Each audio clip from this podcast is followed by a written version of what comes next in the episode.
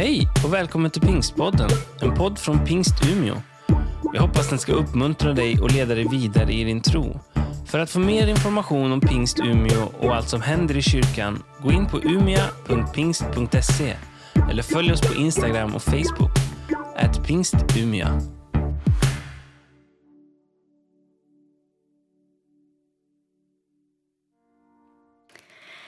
Jag ska läsa från Matteus evangeliet 6, 25-34 och där säger Jesus så här. Därför säger jag er, bekymra er inte för mat och dryck att leva av eller för kläder att sätta på kroppen. Är inte livet mer än födan och kroppen mer än kläderna? Se på himlens fåglar. De sår inte och skördar inte och samlar inte i lador, men er himmelske fader föder dem. Är inte ni värda mycket mer än så? Vem av er kan med sina bekymmer lägga en enda an till sin livslängd? Och varför bekymrar ni er för kläder? Se på ängens liljor, hur de växer. De arbetar inte och spinner inte. Men jag säger er, inte en Salomo i all sin prakt var klädd som en av dem. Om nu Gud ger sådana kläder åt gräset på ängen som idag finns till och imorgon stoppas i ugnen, ska inte han då klä er, eh, ge kläder åt er, ni trosvaga? Gör er därför inga bekymmer. Fråga inte vad ska vi äta, vad ska vi dricka, vad ska vi ta på oss? Vad, vad jagar hedningarna efter? Det är sånt som hedningar jagar efter. Men er himmelska fader vet att ni behöver allt detta. Sök först hans rike och hans rättfärdighet, så ska ni få allt det andra också. Gör er därför inga bekymmer för morgondagen. Den får själv bära sina bekymmer. Var dag har nog av sin egen plåga. Ibland händer det saker i våra liv som får hela tillvaron att gunga. Vi ställs inför frågor om vilka vi är och, och, hur livet ska bli efter det som har hänt. Någon mister en, en anhörig, en kär livskamrat, en mamma, en pappa, en bror eller syster. Det som har eh, en person som har betytt väldigt mycket. Och då undrar man, hur ska det bli nu? Vem är jag i den här nya situationen? Någon går igenom en skilsmässa. Ett äktenskap går i krasch och man, man står där med sitt eget liv, kanske barn. Och så funderar man på hur, hur ska det här bli? Och vem är jag i den här nya situationen? För oss som, som kyrka så, så hände ju inte bara eh, något i vårat liv utan i hela världen när pandemin slog till förra året. Det, det påverkade oss väldigt mycket. Från början fick vi samlas 50 personer men ganska snart så sa man att nu får ni i princip inte samlas alls. Vi som har väldigt mycket av vår identitet i själva mötet. Att få komma hit till kyrkan där jag står här idag tillsammans med några fantastiska människor som gör det här möjligt. Och få sjunga och, och få be, men inte bara några få utan liksom fylla platsen med bön, med lovsång, med kaffe och, och bullar och kakor och alltihop det där som är att få vara kyrka. Och så få se varandra i ögonen och kanske trycka en hand, krama om varandra och säga du, du är min bror, du är min syster. Och märka att bakom de orden ligger en, en verklighet som är oerhörd. Och så får vi inte träffas, inte mötas. Hur, hur blir det då? Ja, men det har verkligen ställt frågor om vad det är att vara kyrka. Jag tänkte att vi mot bakgrund av de frågorna skulle söka vägledning i en av de där klassiska, berätt, klassiska berättelserna som vi möter i, i Nya Testamentet. Vi ska gå till det andra kapitlet i Apostlagärningarna. Och så ska vi möta kyrkan, den tidiga kyrkan och märka att även de fick frågor, även de ställde frågor om sin identitet. De hade ju, när vi kommer in i berättelsen, haft sin ett identitet att samlas omkring den fysiska personen Jesus Kristus. De hade följt honom, vandrat tillsammans med honom, varit med honom uppe på berget, nere i dalen. De hade sett honom göra under, hört honom tala och kunnat ställa frågor och liksom tittat in i hans ögon och märkt att han tittade tillbaka och fått liksom en respons. Och nu var han inte där. Hur är man kyrka då? När den fysiska personen inte längre är närvarande. Ja, det man gjorde, man blev ju faktiskt inte så många kvar. Det blev en ganska liten skara, man liksom krympte ner. Till slut var man bara 120 pers. Ja, man gick till övre salen där lärjungarna hade firat nattvard tillsammans med Jesus, firat påsken precis Ehm, ja, men innan Jesu död och uppståndelse. Och så började man be tillsammans och sen samtalade man om det man hade varit med om och försökte förstå. Det går tio dagar. Sen kommer Gud på ett nytt sätt att bekräfta sin egen närvaro i deras liv. Bibeln berättar om att de uppfylls av helig ande, av Guds personliga närvaro i sina hjärtan. Och det blir som tungor som av eld, de får ett nytt språk, de fylls av en kraft och, och vågar helt plötsligt bli offentliga med sin tro. De eh, som inte hade hunnit med att reflektera över vad de egentligen hade varit med om får genom den där boosterdosen av Guds bekräftelse modet att dela med sig av sin tro i det offentliga rummet. Petrus träder fram, han predikar och folk lyssnar. Och från att vara en liten grupp på 120 personer så blir de över 3000. Och det är klart, det där, det där ställde ju enorma frågor. Jag menar, det blev kommunikativt en utmaning, det blev relationellt en utmaning, det blev ekonomiskt en utmaning. Hur, hur håller man ihop en kyrka av den här storleken och som ständigt växer? Det är då vi kommer in i berättelsen. Petrus har predikat, människor har responderat och, och uttryckt att det du talar om, det berör oss. Vad ska vi göra för att få, få vara med? Och, och, och då säger Petrus det räcker med att öppna sitt hjärta, att omvända sig och så involvera kroppen i tron. Låt döpa er. Då får ni förlåtelse för era synder och den heliga ande som gåva. Om man gör det.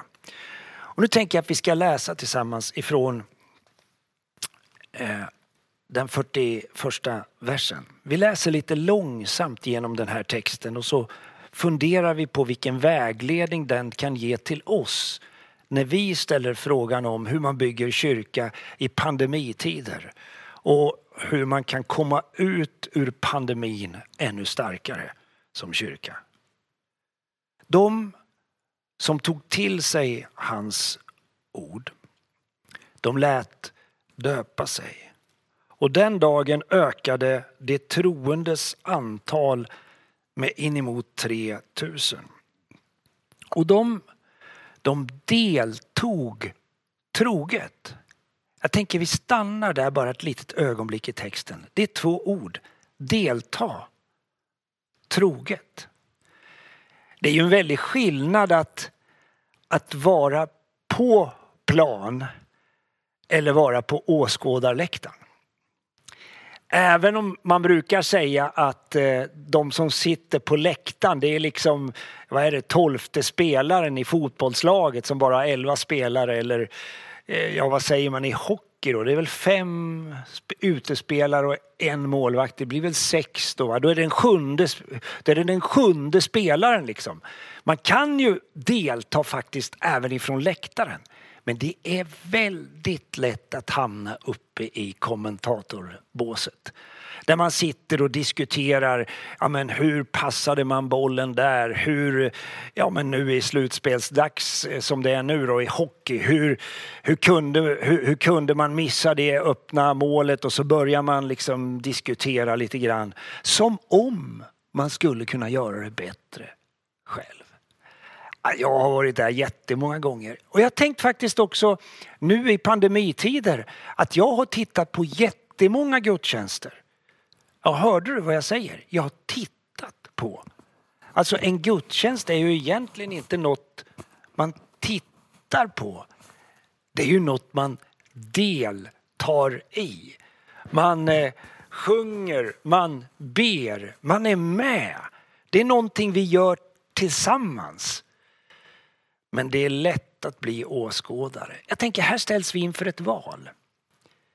Vill vi vara åskådare eller deltagare? Här läser vi om att man deltog och jag tänker du ska vara med. Jag vill att du är med. Jag tänker vi gör det tillsammans. Och den andra grejen här som vi läste det är ju att de deltog troget.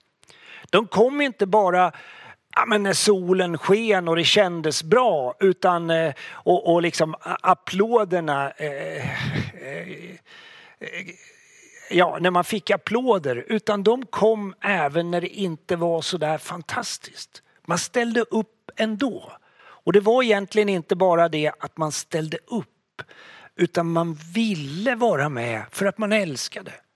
Ungefär som i en familj. Jag menar man, man, det är inte alltid att allting är fantastiskt. Det, det, ibland är det jobbigt, ibland är det stökigt, ibland är ekonomin bra, ibland är det svårt och då får man käka lite pasta och lite nudlar. Men liksom i en familj, man sviker inte varann. Utan man, man är kvar. Det är inte som eh, när man kommer eh, ut till ett köpcenter. Då går man ju till den butik man liksom ser kan ge bästa priset. Och så är man inte särskilt trogen, även om jag numera, jag kallas faktiskt visst för stammis på en av, en av butikerna här i stan. Eh, jag tror det är ganska många som gör det faktiskt. Men, men jag märkte att tyvärr är det så i, i den eh, ja, men i marknadsekonomin att det lönar sig inte att vara trogen. Där är det tvärtom så att om man byter ibland så får man bättre villkor. Nej, men så vill vi ju inte ha det i en familj. Så vill vi inte ha det i en kyrka. Vi liksom inte hålla på och byta. Nu är det bättre sång där, nu är det bättre predikan där. Eller nu är det mindre städning i den kyrkan och mer, ja, jag vet inte, du fattar vad jag menar va? Jag vill fråga efter dig som har varit med länge om inte du ska ta ett nytt beslut idag om att fortsätta vara kvar. Jag vill fråga efter dig som ganska nyligen har kommit till oss och tänker, ja, men jag, jag provar lite grann. Du, vi frågar efter ditt commitment. Därför vi är intresserade av ditt hjärta. Var med och var troget med. Vi läser vidare i texten. Vad var det de deltog troget i då? Ja, men vi märker det i fyra grejer. De stod på fyra ben. Apostlarnas undervisning, den inbördes hjälpen, brödbrytandet. Jag tycker om det. Bröd, tänker en brödkaka så bryter man och delar med sig. Brödbrytandet och bönerna. Och så läser vi till kapitlets slut. Alla människor bävade. Många under och tecken gjordes genom apostlarna. De troende fortsatte att samlas och hade allting gemensamt. De sålde allt de ägde och hade och delade ut åt alla efter vars och ens behov. Det är nästan som ja, men det socialistiska manifestet. Från var och en efter hans förmåga till var och en efter hans behov. En del trodde att det var Karl Marx som kom på det där. Här står det i Apostlagärningarna, det andra kapitlet, typ 1950 år innan. Fantastiska tankar. Där man hjälps åt. Varför då? Jo, för att kunna hålla samman, mötas varje dag troget i templet och i hemmen bröt de brödet och så höll de måltid med varandra i jublande, uppriktig glädje. Jubla gör man ju inte om man är, är rädd eller osäker. Jubla gör man ju om man, om man känner en trygghet. Man vet att här, här kan man vara med. Eh, och nu har jag en känsla av att ljudet inte funkar. Det funkar, jättebra, tack. Eh, då vet man att man kan vara med och man kan eh, vara trygg. De prisade Gud och var omtyckta av hela folket och Herren lät var dag nya människor bli frälsta och förena sig med dem. Ja, men vilken, vilken härlig skildring. Låt oss fundera på de där fyra benen som han stod på. Ett hade ju med tron att göra. Lyssnade man på apostlarna för att de var mer värda? Nej, det gjorde man ju inte utan det hade ju att göra med deras liv tillsammans med Jesus. De hade ju varit med Jesus mer än alla andra. Kommit honom lite närmare. Och kanske särskilt Petrus, Jakob och Johannes som hade fått vara med Jesus när han var som mest pressad inne i Getsemane så var de alldeles intill. De hade hört Jesus berätta om sina frestelser och hur han övervann dem i kraften av Guds ord och, och faktiskt kunde sätta djävulen på plats. De hade sett när Jesus blev korsfäst, de hade varit till graven och sett att den var tom. Det är klart att, att man ställde frågor, vad är det vi tror? Och hur kan vi få vår tro att gå ihop i den tid som vi lever? Och så hjälptes man åt. Det var inte en apostel man lyssnade på utan det var flera. Och så resonerade man och vann en gemensam tro som efter några hundra år ledde fram till en apostolisk trosbekännelse. Som än idag är basen för den kristna kyrkan över hela världen. Fantastiskt! Tron håller oss samman. Det andra som man ser här är ju brödbrytandet. Jag tycker om det uttrycket för det, det skildrar ju, eller det beskriver ju att ingen håller brödstycket för sig själv. Man delar med sig. Eh, det skildrar också en slags samhörighet. Vi äter samma bröd. Nu vet vi att det här syftar på den måltid som Jesus instiftade för att hjälpa oss att komma ihåg att han göt, att han gav sitt blod, gav sin, sin kropp och sitt blod, sitt, sitt vin och sitt bröd till vår frälsning. Det minner oss om försoningen och kraften i att förlåtas och förlåta och upprätta. Församlingen skulle vara skuldfri. Därför bröt man brödet med varandra. Så har vi bönerna. Ja, men bön i det kristna livet är som att andas. Man kan hålla andan. En del kan hålla andan en minut, en del tre, kanske fem om man är riktigt duktig. Men sen går det inte. Man måste andas. Man kan kippa efter andan. Om man som jag i morse stack ut på en liten löparrunda, nu fick jag det sagt också, åh vad skönt. ja, men jag chippade efter andan när jag hade sprungit mina två kilometer, för så mycket längre blev det inte idag. Men, men det var jättebra, alltså jag måste andas och jag behöver återhämta andningen.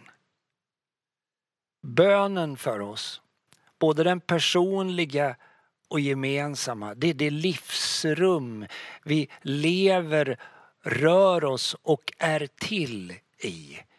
Det är som att leva i Kristus. Därför ber vi ibland vid särskilda tider men egentligen lever vi i bön hela tiden. Så den sista grejen. Jag sparar den faktiskt till sist även om den står som, som står där i mitten. Det är den inbördes hjälpen. Ganska tidigt i kyrkans historia så fick man en gemensam ekonomi. Här i Jerusalem, i den första församlingen, då, då hade man allting gemensamt. Man till och med sålde sina egendomar och hade egentligen inga, ingen, inget privat ägande utan bara ett gemensamt ägande. Ni kan ju tänka er vilken, vilken resa man måste ha gjort från att vara, ha familjeföretag till att ha ett gemensamt företag. I församlingen här i Pingstkyrkan i Umeå som vi heter rent juridiskt har vi sedan 1925 haft en gemensam ekonomi. Det är miljoner som har gått igenom den här föreningen av troende med Jesus i centrum. Pengar som människor har skänkt, som vi har arbetat ihop och som vi har förvaltat tillsammans. Vi har valt en styrelse och vi har sagt att vi har förtroende för er att ni inte kommer att berika er själva utan se till att dessa medel används för att Guds rike ska nå ut över världen. Och ut har det nått. Det har nått till Afrika, till Asien, Latinamerika. Vi är på reperban varje dag faktiskt, till och med under coronatider. Vi är i, i, i andra delar av världen, men vi är också här i Umeå. Varje dag möter vi människor tillsammans tack vare en gemensam ekonomi. Det är till och med så att ordet ekonomi har en del av sitt ursprung i ett ord som återfinns just i den här texten. Oikos. Det betyder hushåll. Det är läran om hushållande med begränsade resurser i ett tillstånd av knapphet. Kan du tänka dig? De här tankarna om att ha någon slags gemensamt ansvar för att kunna bära och göra någonting tillsammans. De har sin, sitt ursprung här. Vi läser inte någon annanstans i Nya Testamentet att man hade ett kollektivt ägande av alla tillgångar. Men man hade det här, förmodligen som en förberedelse på att man ganska snart skulle utsättas för förföljelser. Och om man då hade låst fast sina tillgångar i inventarier eller fastigheter så skulle man, inte, skulle man ha förlorat tillgångarna men nu hade man dem med sig. Så tänker jag också att vi ska göra. Vi ska inte låsa fast våra tillgångar i fastigheter som gör att vi inte är fria utan vi måste också kunna tänka oss att realisera våra tillgångar så att vi kan bygga någonting för framtiden som förändrar den här världen. Ja men du anar vart jag är, ut, vart jag är på väg. Jag vill fråga dig om du vill vara med. Vill du vara deltagare eller åskådare? Det är helt okej. Okay. Man får titta på pingstförsamlingen i Umeå. Det får man gärna. Vi lever i ett offentligt rum och spelar en offentlig match. Det är helt okej. Okay. Men jag vill ha fler spelare i laget. Jag tror att du vill vara med och du är så välkommen att vara med. Kanske är du som Martin som vi hörde här tidigare i gudstjänsten berätta om hur han i, tidigt i sitt liv tog emot Jesus Kristus. En gammal spelare. Men som säger som Martin, jag vill fortfarande vara med. Ja men så roligt. Eller så är du en ny som tänker, jag har aldrig varit med förut. Hur gör man då? Ja men du är så välkommen. Och jag, jag vill också fråga dig efter din trohet. De senaste månaderna har våra insamlingar de har gått upp och de har gått ner. Det har varit väldigt stora rörelser så här. Fantastiskt med uppgångar men det är jättejobbigt med nedgångar. Jag tänker att vi behöver ta ett nytt commitment här ja, men se över liksom, hur ser mitt liv ut? Jag tänker ge liksom en basgåva till församlingen varje månad. Och sen nu och då stretcha lite grann i tro. beroende på det personliga tilltalet som Gud ger. Ja, men det är fantastiskt. Att få vara med med en, två, tre, fem, tio procent varje månad. Det är fantastiskt. Du är välkommen att vara med. Men du, jag frågar inte primärt efter dina pengar. Jag frågar efter ditt hjärta. Det viktigaste du kan ge, det är ditt hjärta. Ett hjärta för Guds hus. Ett hjärta för Jesus Kristus. Det förvandlar inte bara det egna hjärtat, det förvandlar den här världen. Gud välsigne dig och tack för att du vill vara med.